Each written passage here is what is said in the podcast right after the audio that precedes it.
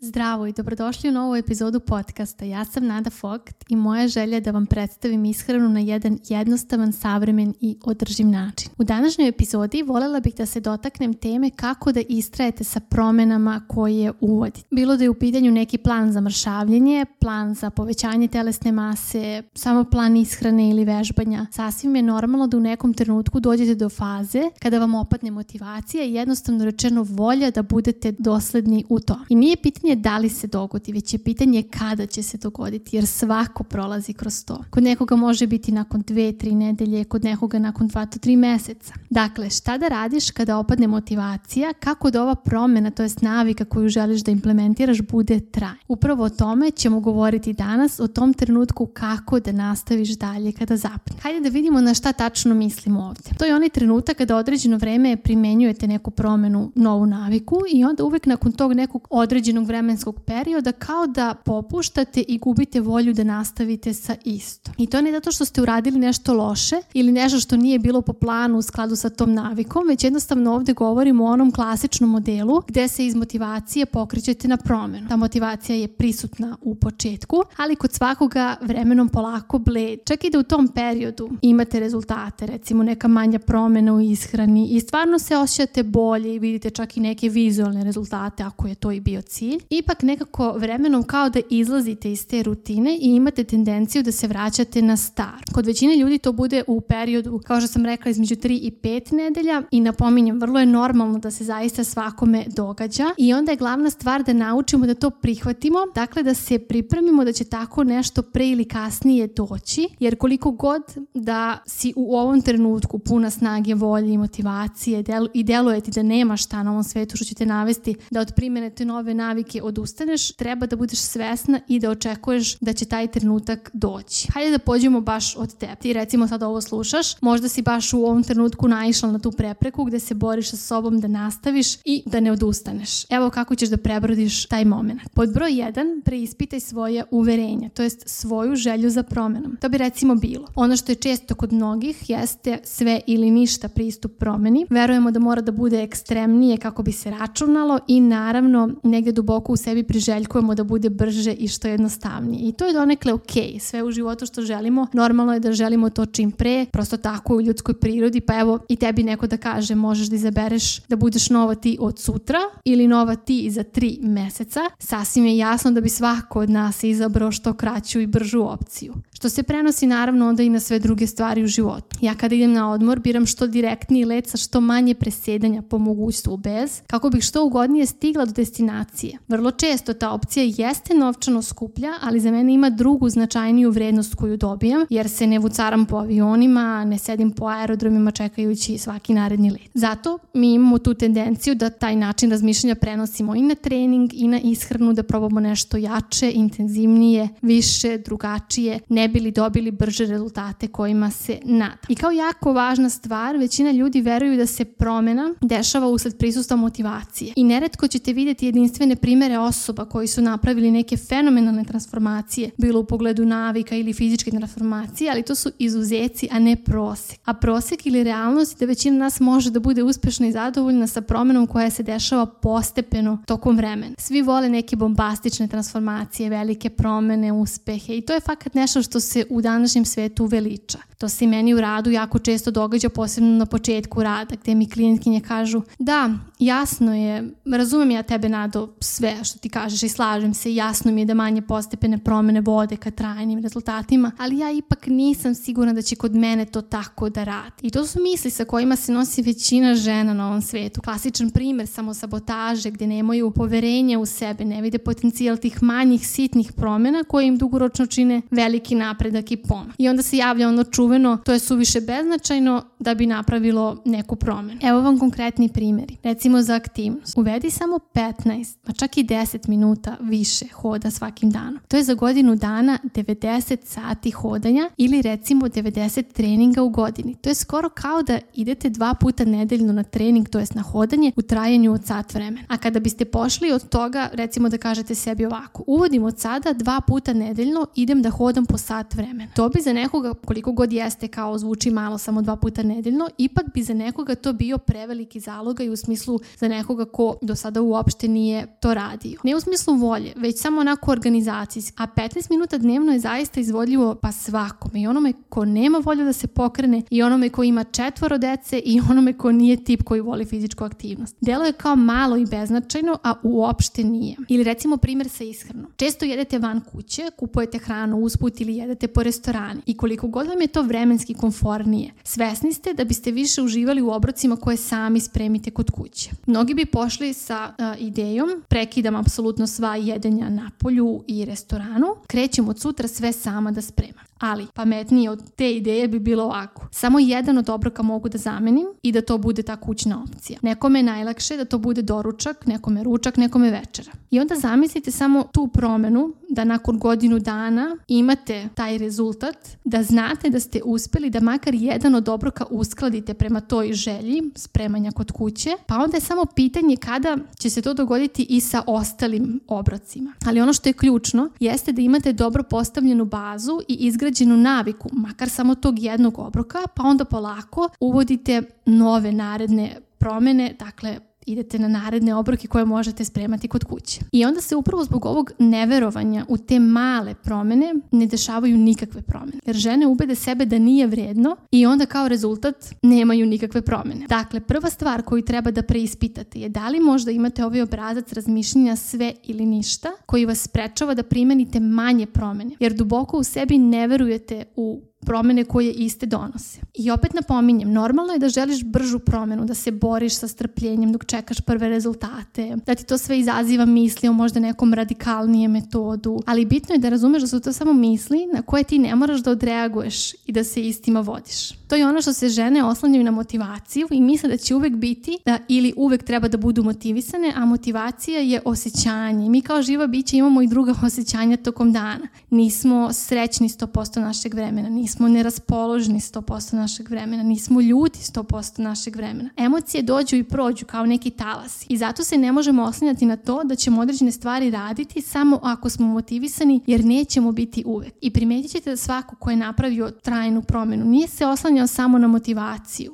Svakako da je možete koristiti u svoju korist kada ona najđe, iskoristite je pa uradite nešto za šta se inače teže naterate. Ali nemojte svoje navike i primjenu istih bazirati na tome da li je motivacija prisutna ili nije. I možda mislite da ljudi koji postižu te neke promene i rezultate, da su oni stalno pod nabojem motivacije i da su zato uspešni. Ali to uopšte nije tako. I njima isto motivacija dođe i prođe kao i svima drugima. Prava istina je da upravo akcija može da vam podstakne motivaciju. Tako što kontinuitet u primjeni neke akcije, navike, koja je u skladu sa vašim željenim rezultatom, čak i kada vam se ista ne radi, može da vam kreira dozu motivacije koja onda vodi ka promeni rezultatu i onda je sve to povezano jedno sa drugim. To je recimo primjer kada kažete sebi ja od danas sam umorna, nisam ni za šta, ali hajde mogu da odradim onih mojih 15 minuta hodanja. I onda odete na hodanje i tokom prvih 10 minuta osjetite naboj energije. Dobijete motivaciju da odlučite da produžite umesto 15 minuta da tog dana hodate 30 minuta jer vam zapravo jako prija, uživate u tom hodanju. A nekada možda i bude samo 15 minuta, sve je okej. Okay. I upravo to je ono što je potrebno da uradite. Čak i kada se ne osjećate motivisano da odradite nešto što je u skladu sa razvojem nove navike ili akcije koja vodi rezultatu, samo uradite bez razmišljanja jao jel mi se radi ili ne radi. I vidjet ćete da ćete se osjećati nakon toga sjajno, jer na kraju dana vi ste to odradili. Nema čekanja, inspiracije, motivacije ili slično. To je jedna od dnevnih obaveza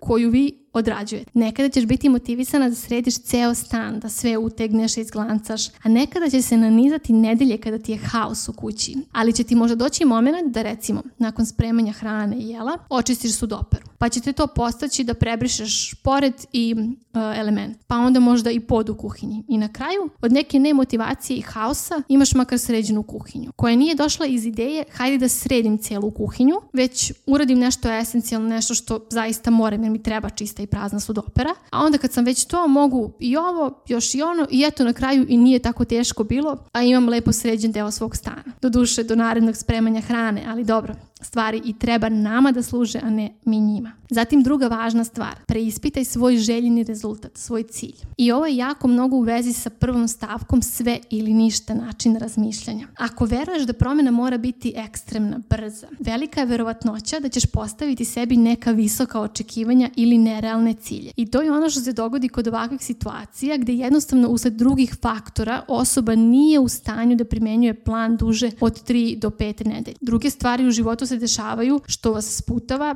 da ostanete u tom sve ili ništa jer je neizvodljivo. Opet primjer sa treningom. Zadaš sebi tempo da ćeš od nerađenja bilo kakve aktivnosti, odjednom ići četiri puta nedeljno u fitness centar na treninge, a ostalim danima ćeš ići na trčanje. Iako se možda u početku osjetiš dobro, jer fizička aktivnost prija svakome. Polako, to jest nakon tri nedelje, uviđeš da ti je taj raspored previše i da jednostavno ne možeš toliko da ispratiš. Šta onda uradiš? Sedneš i razgovaraš sa sobom objektivno. Koji je tvoj realan obim treninga? I dolaziš do zaključka da sigurno dva dana u nedelji možeš da izdvojiš za odlazak u fitness, a ostalim danima, ako imaš vremena, odradit ćeš dodatno nešto. Ali naravno bez obaveze jer ova dva dana su tvoj neki fiksni plan. Ili odlučiš da ćeš početi više da kuvaš, spremaš, kupiš naravno novo posuđe, gomilu kuhinskih rekvizita koji će te olakšati pripremu, ali shvatiš da nakon tri nedelje ne možeš da istreš u tome da od osobe koja apsolutno nikada ništa ne kuva, budeš osoba koja odjednom sve kuva i sprema sama. I ovo je bitna poenta. Sastavi svoj plan tako da je u realnosti sa tobom. Možda ti ne zvuči impresivno i izazovno, ali znaš da taj manji plan koji će ti biti održiv kroz duži period vremena je upravo taj koji će ti pružiti rezultat. A svaki manji postignuti rezultat te motivisati na dalju promjenu. Kao kod onog primjera samo jednog obroka u danu. Kada to postane neka navik, a za to ipak treba vrijeme naravno, pa onda vidite recimo da doručak te uveli i nije tako komplikovano. Premijem, ušla sam u štos, razvila sam rutinu, brzinu pripreme, možda bih mogla da probam i sa ručkom ili večerom. I samo zbog toga što to dolazi iz već napravljene promjene rezultata, bit ćete motivisani da probate i sa drugom. A zbog iskustva koje imate, znaćete koji je okvirni proces kao i vreme kroz koje ćete prolaziti. Zatim cilj, jako, jako bitna stavka. Da li postavljaš rezultat e, cilj ili proces cilj? Brojne istraživanja pokazuju veću stopu uspeha kod onih koji postavljaju svoj cilj sa fokusom na proces u odnosu na one koji postavljaju cilj sa fokusom na rezultat. Cilj proces bi bio recimo ovako. Dva dana u nedelji ću odvojiti za fizičku aktivnost. Dok je cilj rezultat, zategnut ću mišiće na nogama. Kada postavimo ovaj proces cilj, možemo lakše da pratimo i merimo napredak, recimo iz nedelje u nedelju. Ali ako imamo rezultat cilj, to je mnogo teže da se prati i hajde da kažemo teže da se kontroliše. Tako da ako se tebi dogodila situacija da si u fazi, da si u trenutku gde si udarila o zid, a ujedno primećaš da si fokusirana mnogo na taj krajnji rezultat, sasvim je opravdano da se trenutno osjećaš zaglavljeno u celom procesu. Dakle, ako imaš cilj, recimo određenu cifru na vagi, to jest neki određeni broj kilograma koje želiš da redukuješ umjesto fokusa na, hajde da kažemo, telo sa toliko i toliko manje kilograma,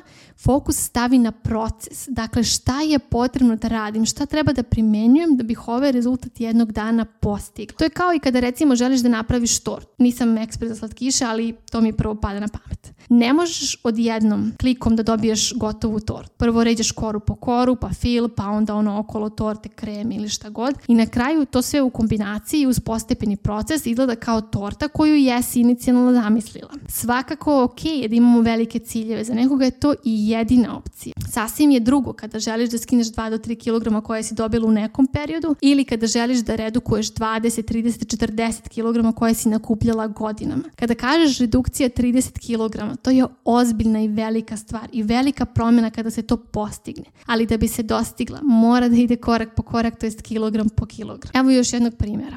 Odlučila si da želiš da uvedeš trening i jedina opcija trenutno za tebe su rana jutra, to jest da ustaneš ranije i da obaviš trening. Ovo su dve stvari, dakle ranije ustajanje i plus trening. Možda nećeš svaki put odraditi trening, ali jako bitno da istraješ u ovom ranijem ustajanju. Dakle, neka to bude prvobitni cilj. Samo budi tu prisutna, probudi sebe u to vrijeme, pa makar i ne radila trening. Jedan deo procesa je obavljen, a to je da stvaraš naviku, da si u to vrijeme tim danima budna. Pa će onda vremenom i rađenje nečega u tom satu biti opcija. Čak i ne mora da bude rano jutro, može biti bilo koje doba dana. Dakle, taj planirani sat za aktivnost u danu obavezno iskoristi tako što ćeš ga odvojiti od ostatka. Ako znaš da tog dana sigurno nećeš vežbati, nema veze, ti svakako uzmi za sebe tih sat vremena koliko si planirala i uradi nešto.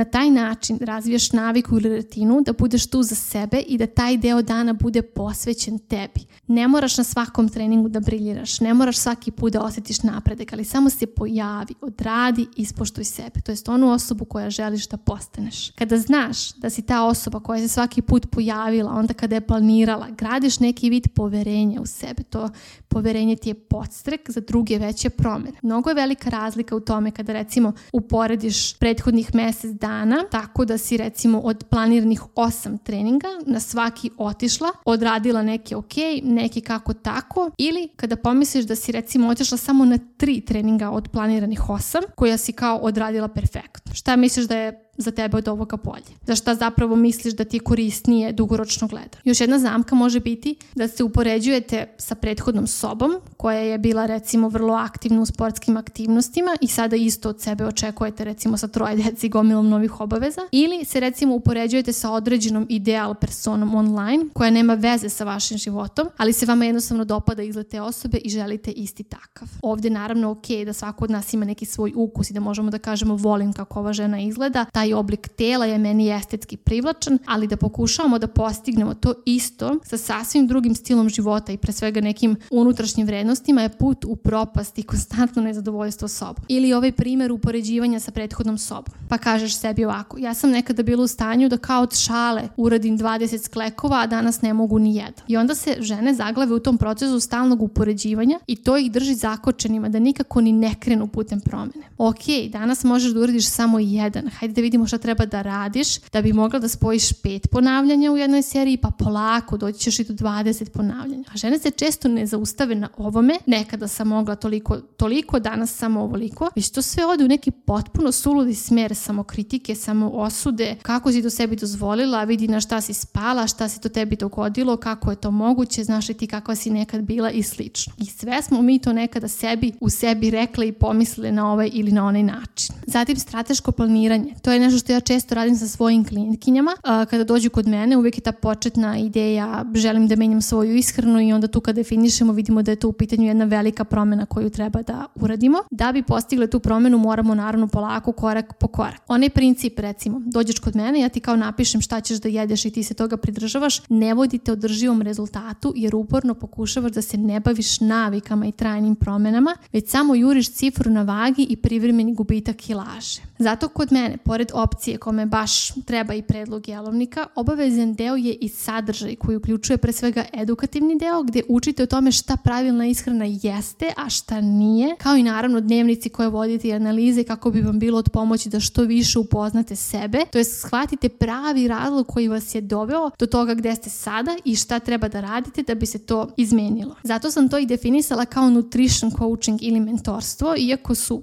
ova dva termina zapravo različita. Ja sam ih nekako u svom radu spojila jer u određenim situacijama moram da budem mentor gde ću ti tačno jasno reći šta da uradiš, a u nekim situacijama sam coach gde ću ako osjetim da jesi spremna samo te navesti da sama odlučiš i primeniš. Dakle, strateško planiranje u vezi sa ishranom je bilo da sedneš i zapišeš sve što želiš da promeniš, dakle tačne pojedinačne stavke. Zatim da iz tih izvučeš one za koje smatraš da su tebi važne i kao neki prioriteti, potom da izabereš samo jednu stvar od svega toga i da počneš da radiš na tome. Evo primjer. Osoba ima povećani broj kilograma usled haotičnog i ne tako nutritivnog jedenja. Haotično zato što zanemaruje sebe, ne jede do podne usled obaveza, onda i tada ako jede to je više neko brljanje ili nešto usput s nogu i dolazi do, do trenutka večernjeg ozbe gde se prejeda. Zadatak od te osobe nije kako da nauči da se uveče ne prejeda ili šta treba da jede da bi jela manje ili kako da se ograniči uveče na jednu porciju umesto na pet porcija i slično. Dakle, zadatak te osobe da krene iz početka, a to su osnove pravilne balansirane ishrane. U prevodu, ako u prvom delu dana ne jedeš, nemaš neku osnovnu rutinu obroka i navika i više nego izvesno da će ti večeri biti upravo tako. Zadatak je da prvo počne sa doručkom ili da samo pronađe način kako će nešto u prvom delu dana jesti, jer onda će kao posledicu imati bez muke i presije normalnije večernje jedenje. Šta imamo kao rezultat? Osobu koja ne može sama sebi da se načudi kako je bez bilo kakvog rada na konkretno večernjem obroku to izmenila. I tako meni moja klinikkinja kaže. Zamisli, ja više nemam tu neobuzdanu želju da se uveče trpam hranu. A sve jer je samo pronašla koji minut vremena više u prvom delu dana i kao čovjek sela i jela i taj deo osnovne životne potrebe podmirila. Zatim postoji moć nagrade, kao što proslavljamo određena postignuća u školovanju, poslovne uspehe, godišnjice, tako treba i da proslavljamo svoje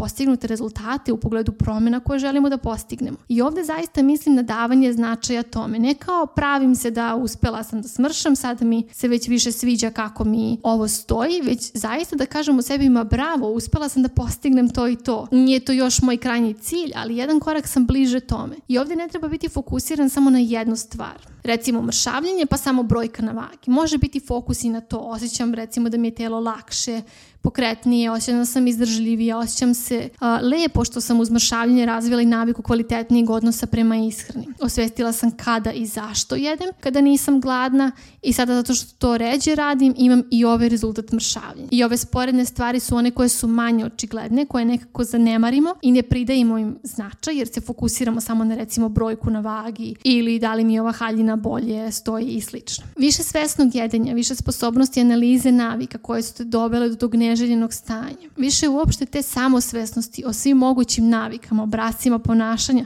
koje si imala i koje su te dovele do tog neželjenog stanja. Zatim ono što se često dogodi je kao greška ili povraćaj. Ovdje treba biti svestan da je sasvim očekivano da će se nekada vratiti, recimo u vidu večernjeg obimnijeg jedenja, ali to je samo povremeno i to se dešava mnogima i nikada neće biti u meri da će vas ponovo u potpunosti obuzeti. Recimo ovo je kod žena sa kojima radim koji imaju problem sa emotivnim prejedanjem. To je nešto što može da se sredi u smislu da se ne dešava često i da vas iz tog razloga ne uznemirava kako emotivno tako i sa neželjenim posljedicama povećanja telesne mase. Ali isto tako desit će se povremeno, jer kao što sam i mnogo puta rekla, emotivno jedenje je normalan i sastavni deo života svake osobe na ovom svetu. Svako se nekada nađe u situaciji da jede usled emocija, a ne usled gladi, ali je razlika što se to događa povremeno i nije jedini način upravljanja stresom, dosadom ili bilo čime drugim. Tako i te žene koje imaju neregulisane navike jedenja tokom dana i onda ta večernja prejedanja, čak i kada srede ishranu tokom dana, vrlo je verovatno da će se nekada dogoditi opet to večernje pojačano jedenje, ali će ono biti značajno drugačije od onoga kako je bilo kada su bile zarobljene u tom cijelom ciklusu. Pre svega neće biti tako učestalo i kao drugo neće ga na isti način doživljavati jer neće biti da kažemo nekontrolisano i neće za sobom povlačiti krivicu i začarani krug od sutra, već će samo primetiti šta se dogodilo, prihvatiti kao normalno i nešto što se dešava i ide dalje, samo nastavlja bez osude, krivice ili bilo čega sličnog. Moje klijentkinje, to je žene koje se odlučuju na rad sa mnom, neretko dolaze nakon nekog vremena već provedenog na psihoterapiji i onda imamo primer, recimo gdje ovako, bilo je prisutno prejedanje koje se dešavalo svakim danom usled rada sa psihoterapeutom i ona kaže slušanja mog besplatnog sadržaja i čitanja objava, zaista se to nekako počelo, počelo ređe da se dešava i onda je počela da radi sa mnom i rekla mi je, ali ja nekako i dalje imam problem sa time. Moje pitanje je bilo koliko puta nedeljno se to sada dešava. Ona kaže pa dva puta, nekada i reći. Moje sljedeće pitanje je bilo a koliko se dešavalo pre? Kaže skoro svaki dan ili veći broj dana u nedelji. I to je ogroman pomak i napredak i to je ono što treba da slavimo i budemo ponosni na sebe da smo postigle da to bude sada značajno ređi. Jer to je jedan deo puta do onoga da se dešava još ređe od ovoga kako je recimo sada. I kao dodatna važna stvar kod ovog procesa gdje zapnete nakon 3 do 5 nedelja jeste da se i pre početka bilo čega pripremite da će to nešto biti dosadno. Biće trenutaka kada si puna entuzijazma, motivacija, ništa ti nije teško, a bit će dana kada ti nije ni do čega i kada ćeš se osjećati da se ništa ne dešava i da nema nikakvog pomaka. A to je osnovna formula mršavljenja. Dakle, promjena navika koja će vas indirektno staviti u energetski disbalans i konzistentnost koja zahteva vreme, dakle puno vremena i strpljenja, kao i samog rada. Iako smo svi skloni da bežimo od diskomforta, da tražimo kraća, brža, lakša rješenja, ovdje je ključna stvar da na to zaboravite i da se fokusirate na minimalne promjene koje vas vode ka održivim rezultatima. Zatim dolazimo do pojma vremena, koje kao merilo napretka morate da zaboravite. Ako se ograničite vremenski i upletete se u tu trku sa postizanjem rezultata u zadatom vremenskom roku, to je siguran put u nezadovoljstvo, jer svoj napredak ne merite vremenom kao merilom napretka, već se fokusirate na promenjene navike koje ste dobili. Bez obzira na vreme koje vam je bilo potrebno da iste postignete. Jer u ostalom u životu ništa nije ultimativno, pa tako ni mršavljanje. Nije to sada kao smršam jednom i to je to. Svako ko tako razmišlja je upravo i primjer osobe koja to sve u nekom trenutku vrati. Zato je jako važno da budete fokusirani na proces, jer kada privolite proces, onda će taj rezultat mršavljenja biti trajno održiv. I ne zaboravite isto na backup plan da uvijek imate rezervnu opciju za dane kada ne uspete da realizujete željenu planiranu akciju. Recimo, ne odradite jutarnji trening iz nekog zaista opravdanog razloga. To ne znači da ne možete možda posle podne ili uveče da uradite nešto minimalno što bi doprinelo ukupnoj dnevnoj fizičkoj aktivnosti. Ako sam propustila jutro, ne znači da sam propustila ceo dan. I najvažnije za kraj, imajte na umu da smo živa bića sa emocijama i interakcijama. Nismo roboti i ne možemo da se oslonimo na idealne vakum uslove i da iste očekujemo uvek i svuda. Zato je bitno da budemo fleksibilni i prilagodljivi i zato je bitno da nemamo pravila, već da imamo strategije. Šta, kada i kako radimo u zavisnosti od date situacije. Stvari se dešavaju i dešavaće se van naše kontrole i to je nešto što ne treba da vas ometa da nastavite. To ne treba da posmatrate kao reset i da se sada ne važi bilo kakav prethodno uloženi trud, već isključivo posmatrite kao trenutnu prepreku nakon koje samo nastavljate dalje. Ako se ti osjećaš da si se zaglavila nakon nekog vremena, da ti ne ide, da nemaš motivaciju ili um, imaš utisak da nema nikakvog napretka, samo prihvati da je to normalno, dogodi se svakome i samo nastavi. Koliko god mislila da nema rezultata, veruj mi da će doći. Samo ako budeš nastavila da primenjuješ i radiš konzistentno na tome. Rezultat jednostavno ne može da izostane. Doći će kad tad, samo budi uporna i strpljiva. Ja sam se iskreno umorila od silne priče, nadam se da ste vi uživali, da vam je epizoda bila korisna i eto, do naredne epizode poradite malo na ovome o čemu sam ovde govorila, pa se čujemo u narednoj epizodi sa novom temom. Uživajte!